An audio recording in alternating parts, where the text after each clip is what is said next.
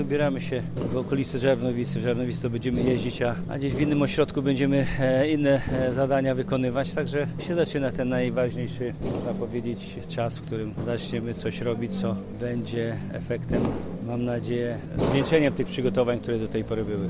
Ilu zawodników wybiera się do Żarnowicy? Znaczy, Celem tego obozu jest też integracja. Żeby zintegrować, to nie może być tak, że zawodnicy młodego pokolenia, mówię to o zawodnikach U24, żeby mieli sporady- sporadyczny kontakt. E, Przynajmniej część z nich e, ma szansę zaistnieć e, w naszej, mam nadzieję, drużynie z biegiem czasu. Także no, to te wzorce, które chcemy im pokazać na tym obozie, w wykonaniu naszych starszych zawodników, tych, którzy reprezentują drużynę ligową no, są bardzo ważne do naśladowania, mam nadzieję, przez nich i do wdrożenia. Jaki jest plan e, tego zgrupowania? Bo rozumiem, że nie tylko jazda na motocyklu żużlowym na torze Martina Waculika, ale e, pewnie i różnego rodzaju inne atrakcje, że tak się wyrażę.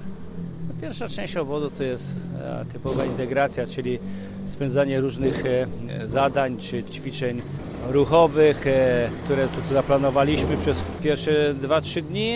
Następnie to już jest ten efekt podsumowania tego wszystkiego, czyli to, co w tym okresie jest bardzo ważne, czyli wejście na tory pierwszej jazdy.